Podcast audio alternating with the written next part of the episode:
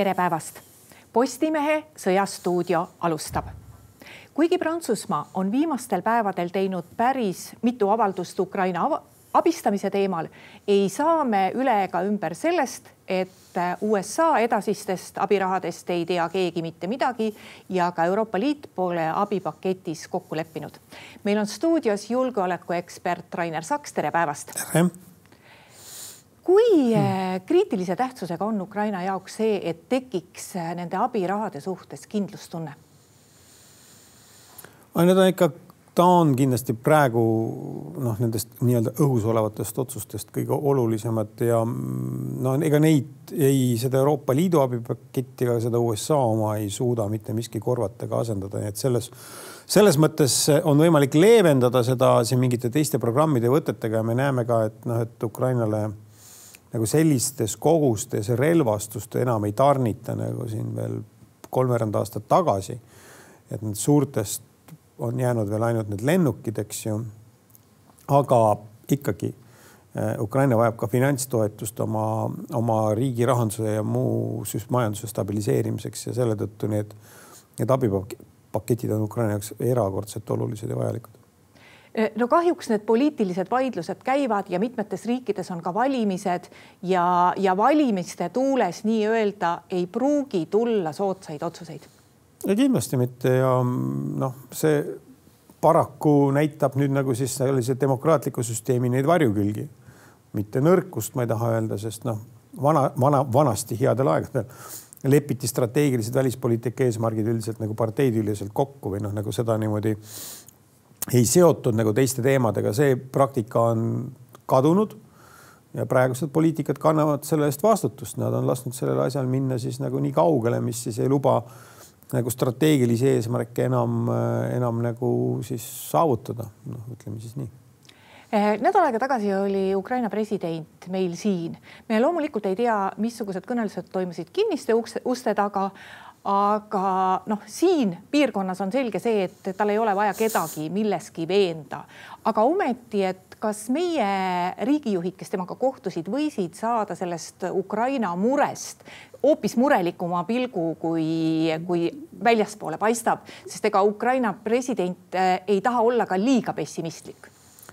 ma ei usu, et, et siin nüüd nagu jah, mingisugust nagu sellist äh, väga uut infot meie, meie poliitikute jaoks nagu laekus. et äh,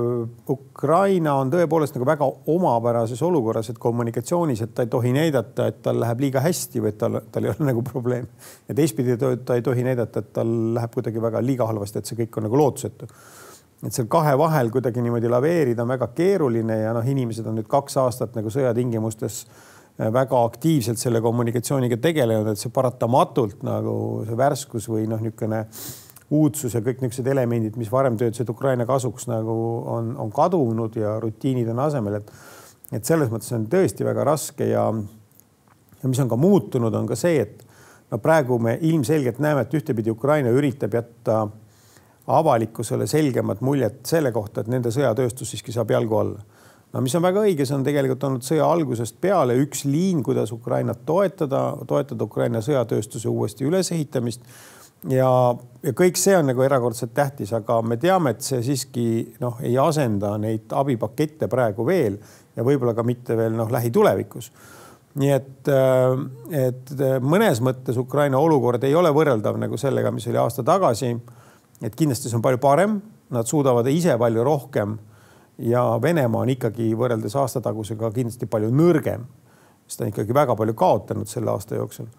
oma ressurssidest, sõjalistest vahenditest ja kõigest. aga sellegipoolest jah, ikkagi see, see, see, see otsustusprotsess juba ise sellisel kujul jätab endast nii halva mulje, et Euroopa riikidel ja USA-l saab olema pärast palju raskem oma nagu niisuguse globaalse seisundi nagu hoidmisel või, või või oma globaalse positsiooni nagu noh, niisugusel psühholoogilisel kindlustamisel no räägime nüüd viimastest sündmus, sündmustest ka, et üks asi, mida välja tuua, on see, et äh, venelased on ka ise teatanud, et tuvastasid drooni äh, Moskva õhuruumis ja on räägitud ka Leningradi oblastist. et kus oli ka, rünnati drooniga, et see nüüd liiga suur mure ei peaks venelastel olema, aga ometi see midagi näitab? noh,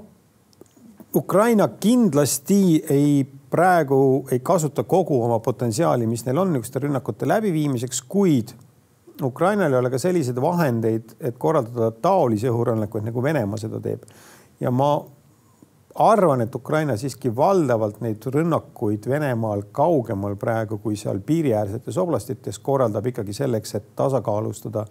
seda strateegilist pilti ja et Venemaa inimesed saaksid aru,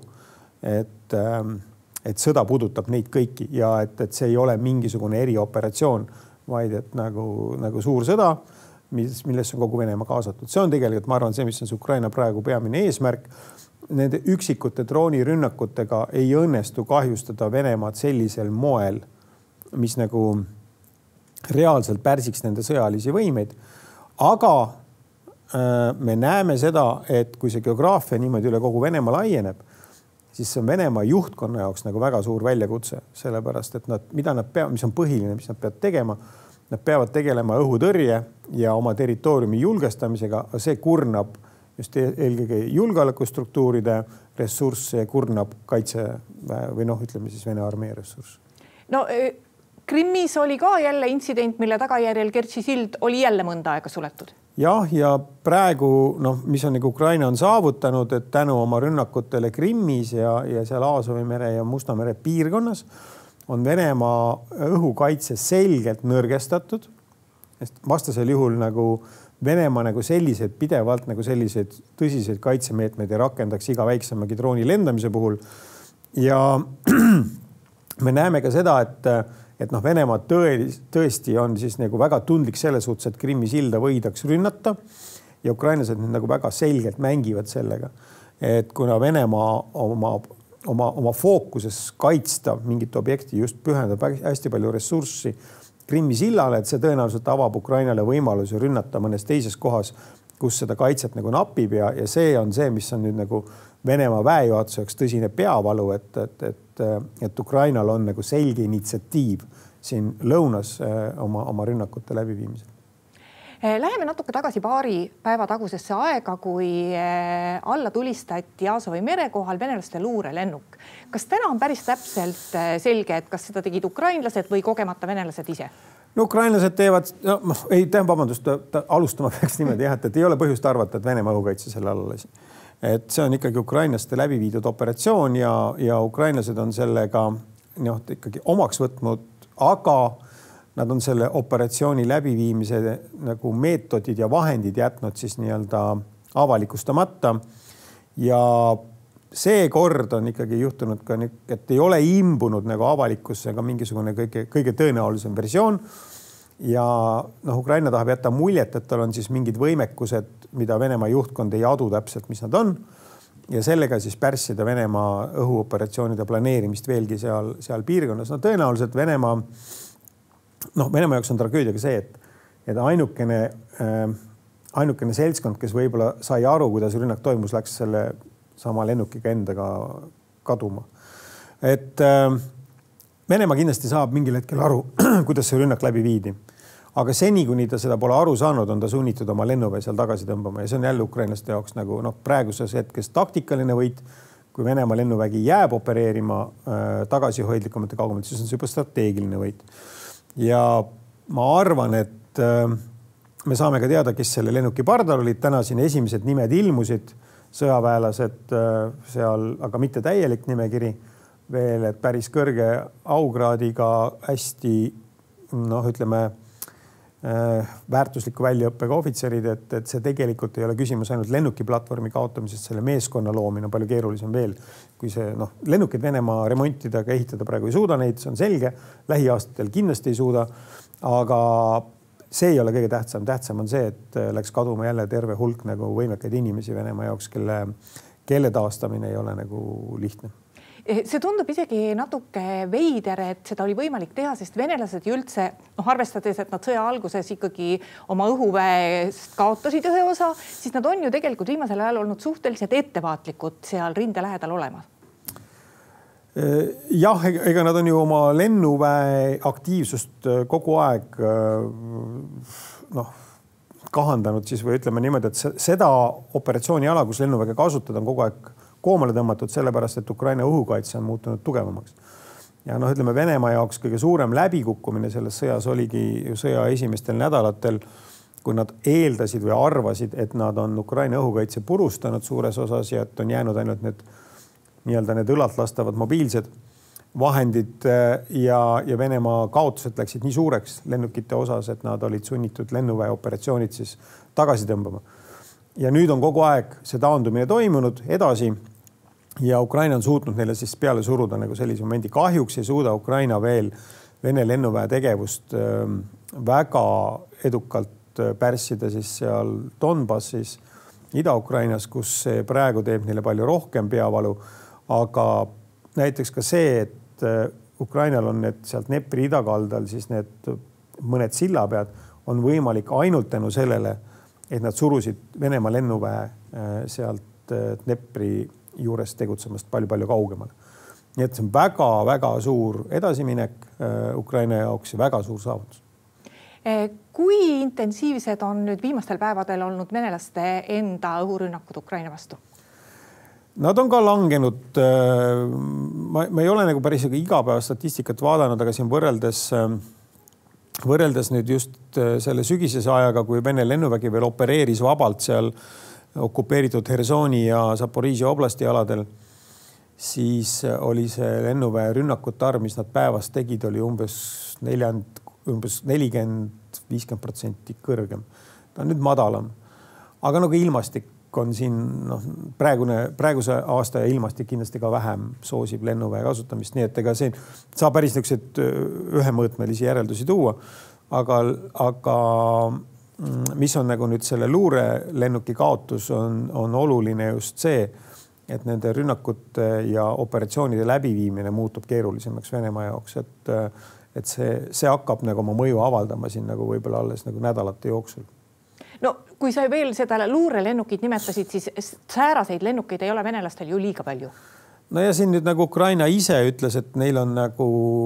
äh, ma sain siis niimoodi aru, et enne sõja algust oli neil kaheksa sellist lennukit, mis olid operatsioonivõimelised. Äh, üldiselt sellises äh,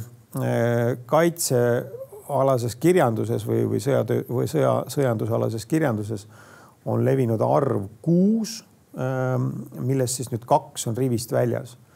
noh, et räägitakse praegu jah, et kas on opereerimisvõimelised neli või viis. et vahet ei ole, kokkuvõttes äh, rohkem kui Venemaa veel peaks sellise lennuki kaotama, siis see juba tähendab seda, et, et kogu nende strateegiline heidutus on ikkagi tõsise küsimärgi all äh, vaatame korraks ka rindejoont, et muutusi seal ei ole, aga kus kohas üritavatakse rünnata? no praegu kaardi pealt on, ei ole ka keeruline näidata, et, et siis esimene niisugune aktiivne ala on siin Hersonist natukene edasi Dnepri jõe ääres, kus siis Ukraina on loonud endale kolm sellist noh, platsdarmi või sillapead ja siis Vene armee siin nende otserünnakutega, äh, looduslikud olud on seal ka niisugused natukene omapärased, on nagu suured liivased ja metsased alad, kust nad peavad siis tulema läbi, et Ukrainasteni jõuda. seal siis praegu kasutab Ukraina ära seda, et nad domineerivad siin selles piirkonnas siis suurtükiväe ja drooni, droonidega ja, ja siis äh, noh, ma ei usu, et Ukraina siit nüüd kavatseb kuhugi edasi tungida siin lähikuudel, aga aga Vene armee jaoks on see nagu noh, niisugune äh, standardse planeerimise mõttes erakordselt ebameeldiv äh, niisuguse olukorra areng ja nad üritavad kindlasti rünnakutega jätkata, see võimaldab Ukrainal siis hävitada noh, päris hea ründevõimega üksused, mida Venemaal praegu on, aga noh, ma tahaks ka rõhutada seda, et siin nagu see Venemaa poolt tegutseb siin dessantvägede üksused ja merejalavägi siis noh, ega nende kvaliteet ei ole võrreldav enam sellega, mis neil sõja alguses, kus olid noh, mitu aastat välja õpetatud professionaalid. et praegu on nad ikka kiiruga välja õpetatud, kuigi ka professionaalsed üksused ja kindlasti paremad kui need lihtsalt reservistidest moodustatud, aga, aga noh, Ukraina jaoks ongi tähtis, et, et, Venemaa rakendab siin oma niisuguseid väga hea kvaliteediga üksused, mida on siin võimalik nagu hävitada siis nagu suhteliselt lihtsamalt ja no siin selles rindelõigu osas, kui nüüd Ukraina jättis Eh, oma suurema pealetungi katse nagu pooleli siin septembris, siin nagu väiksed edenemised olid siin paaris kohas. et siis Venemaa on üritanud neid Ukraina positsioone likvideerida, aga ei ole siiamaale õnnestunud. ja kõige tõsisemad lahingud toimuvad siin otse siin siis Donetski külje all Avdiivka Marinka juures, kus on nagu Donetski eeslinnad, kus on kõige suuremad Venemaa pealetungi üritused ja katsed hetkel käimas, kõige massiivsemad, kõige intensiivsemad, kus nagu peaaegu pause ei ole olnud äh, viimasest, ütleme siin oktoobrikuu lõpust alates, aga äh, ei ole saavutanud Vene armee sisuliselt mitte mingisugust edu, need siin mingid väiksemad edenemised, mõni ruutkilomeeter ühes teises kohas ei oma sisuliselt mitte mingisugust tähendust ja samuti üritab nüüd Venemaa siis taastada siin Bahmuti juures neid positsioone linnast põhjas ja lõunas, mis ta kaotas siin Ukraina sügisese pealetungi jooksul. Äh, ja ei ole ka suutnud nagu tegelikult neid positsioone tagasi saada, natukene on parandanud. ukrainlased olid alguses natuke kaugemal, aga tegelikult äh, noh, Ukraina tõenäoliselt ei, ei üritanudki siin kaugemale tungida ja, ja, ja siis nüüd viimaste nädalate kõige tõsisemad lahingud olnud siis siin Venemaa üritab tungida siit Kupjanski linna suunas ja, ja siis selle, see Lõõmani linn peaks siin olema. et siis siiapoole, et äh, oleks võimalik uuesti alustada seda Donbassi hõivamist, nii nagu neil see ebaõnnestus siin kahe tuhande kahekümne teise aasta sügisel. aga ka seal nagu sisuliselt Vene armee ei ole suutnud oma, oma positsioone niimoodi parandada, et võiks öelda, et on näha, et siit võiks kuskilt hakata hargnema mingi tõsisem pealetung no ilmastiku mõttes on praegu tõenäoliselt aasta kõige halvem aeg. ega eelmine talv ka ei tekitanud mingeid erilisi pause, et äh, kuna Venemaa ei kasuta peaaegu üldse rünnakutel äh, enam nagu soomusväge väga üksikutes kohtades ja peamiselt jalaväerünnakud. no okei okay,, noh, mitte päris nii, ma võib-olla natuke liialdasin, aga, aga ütleme, soomusväge kasutatakse järjest-järjest vähem, sest seda on lihtsalt vähem. kaotused on suured ja siis äh, tegelikult noh, jalaväge saab sundida ründama ka sellise ilmaga. muidugi peab ka tunnistama, et ega nagu need rünnakud on Ukraina jaoks ebameeldivad, aga, aga suur osa nendest äh, Venemaa kaotustest ei tule mitte niisugustest kontaktlahingutest otse, vaid ikkagi äh, Ukraina droonide ja suurtükiväega hävitab, hävitab siis selle ründeformatsiooni, mis üritab läheneda Ukraina positsioonidele ja, ja, ja selles mõttes nagu äh, noh, Venemaa äh, kaotused on just eelkõige selle tõttu kõige väga-väga suured, noh, ebanormaalselt suured, võib-olla isegi kaotades siin praegusel ajal üle seitsmesaja mehe päevas. Äh, see annab noh see ei ole nagu võimalik, ei ole värvata nii palju korraga, see on täiesti selge. me siin mõni nädalat tagasi veel rääkisime ka, kui oli aktiivsete õhurünnakute aeg, et venelased on sihikule päris tõsiselt võtnud Harkivi. no seal praegu vist nüüd viimaste arengute puhul küll ei ole näha, et venelastel oleks nagu mingi variant seal nagu kusagil midagi kätte saada. ei, Harkivi juures rünnakut nad kindlasti praegu ei plaani, siin Harkiviga on nagu selline lugu, et et noh, Venemaa sõja alguseks ju proovis siit otse rünnata linnale, siis siit, siit mööda minna mõlemalt poolt lõpuks tuldi, siis võeti, võeti nagu see piirkond ära, et saaks ahistada nii, nii Donbassi kui siis lõigata Harkiv ära nagu lõunast, et katkestada nagu see ühendus. aga siin Vene armee on siin näha, see sinine, see piir, kuhu nad jõudsid, eks siit nad edasi saanud, siit nad põgenesid äh, kahe, kahekümne teise aasta septembris, oktoobris. ja, ja tegelikult noh, praegu nad ilmselgelt ikkagi pressivad kõik jõud, mis neil on, on siia koondatud sellesse piirkonda, nad pressivad praegu, et, et seda platsdarmi uuesti taastada. siia ei ole koondatud vägesid, millega Harkivit otse rünnata, kuid nad tulistavad iga päev mõned, mõned need S kolmesaja õhutõrjesüsteemi raketid Harkivi pihta, mis tegelikult on mõeldud siis selleks, et ähm, muuta elu selles linnas nagu võimatuks ja, ja tekitada siis nagu selline surve, et nagu, et Harkiv oleks nagu löögi all, aga, aga sõjalist operatsiooni selle linna hõivamiseks Venemaa praegu ei plaani. aitäh, Rainer Saks tulemast Postimehe Sõjas stuudiosse. palun. ja aitäh ka kõigile neile, kes meid vaatasid. Postimehe järgmine otsesaade on eetris juba homme. seniks lugege uudiseid postimees.ee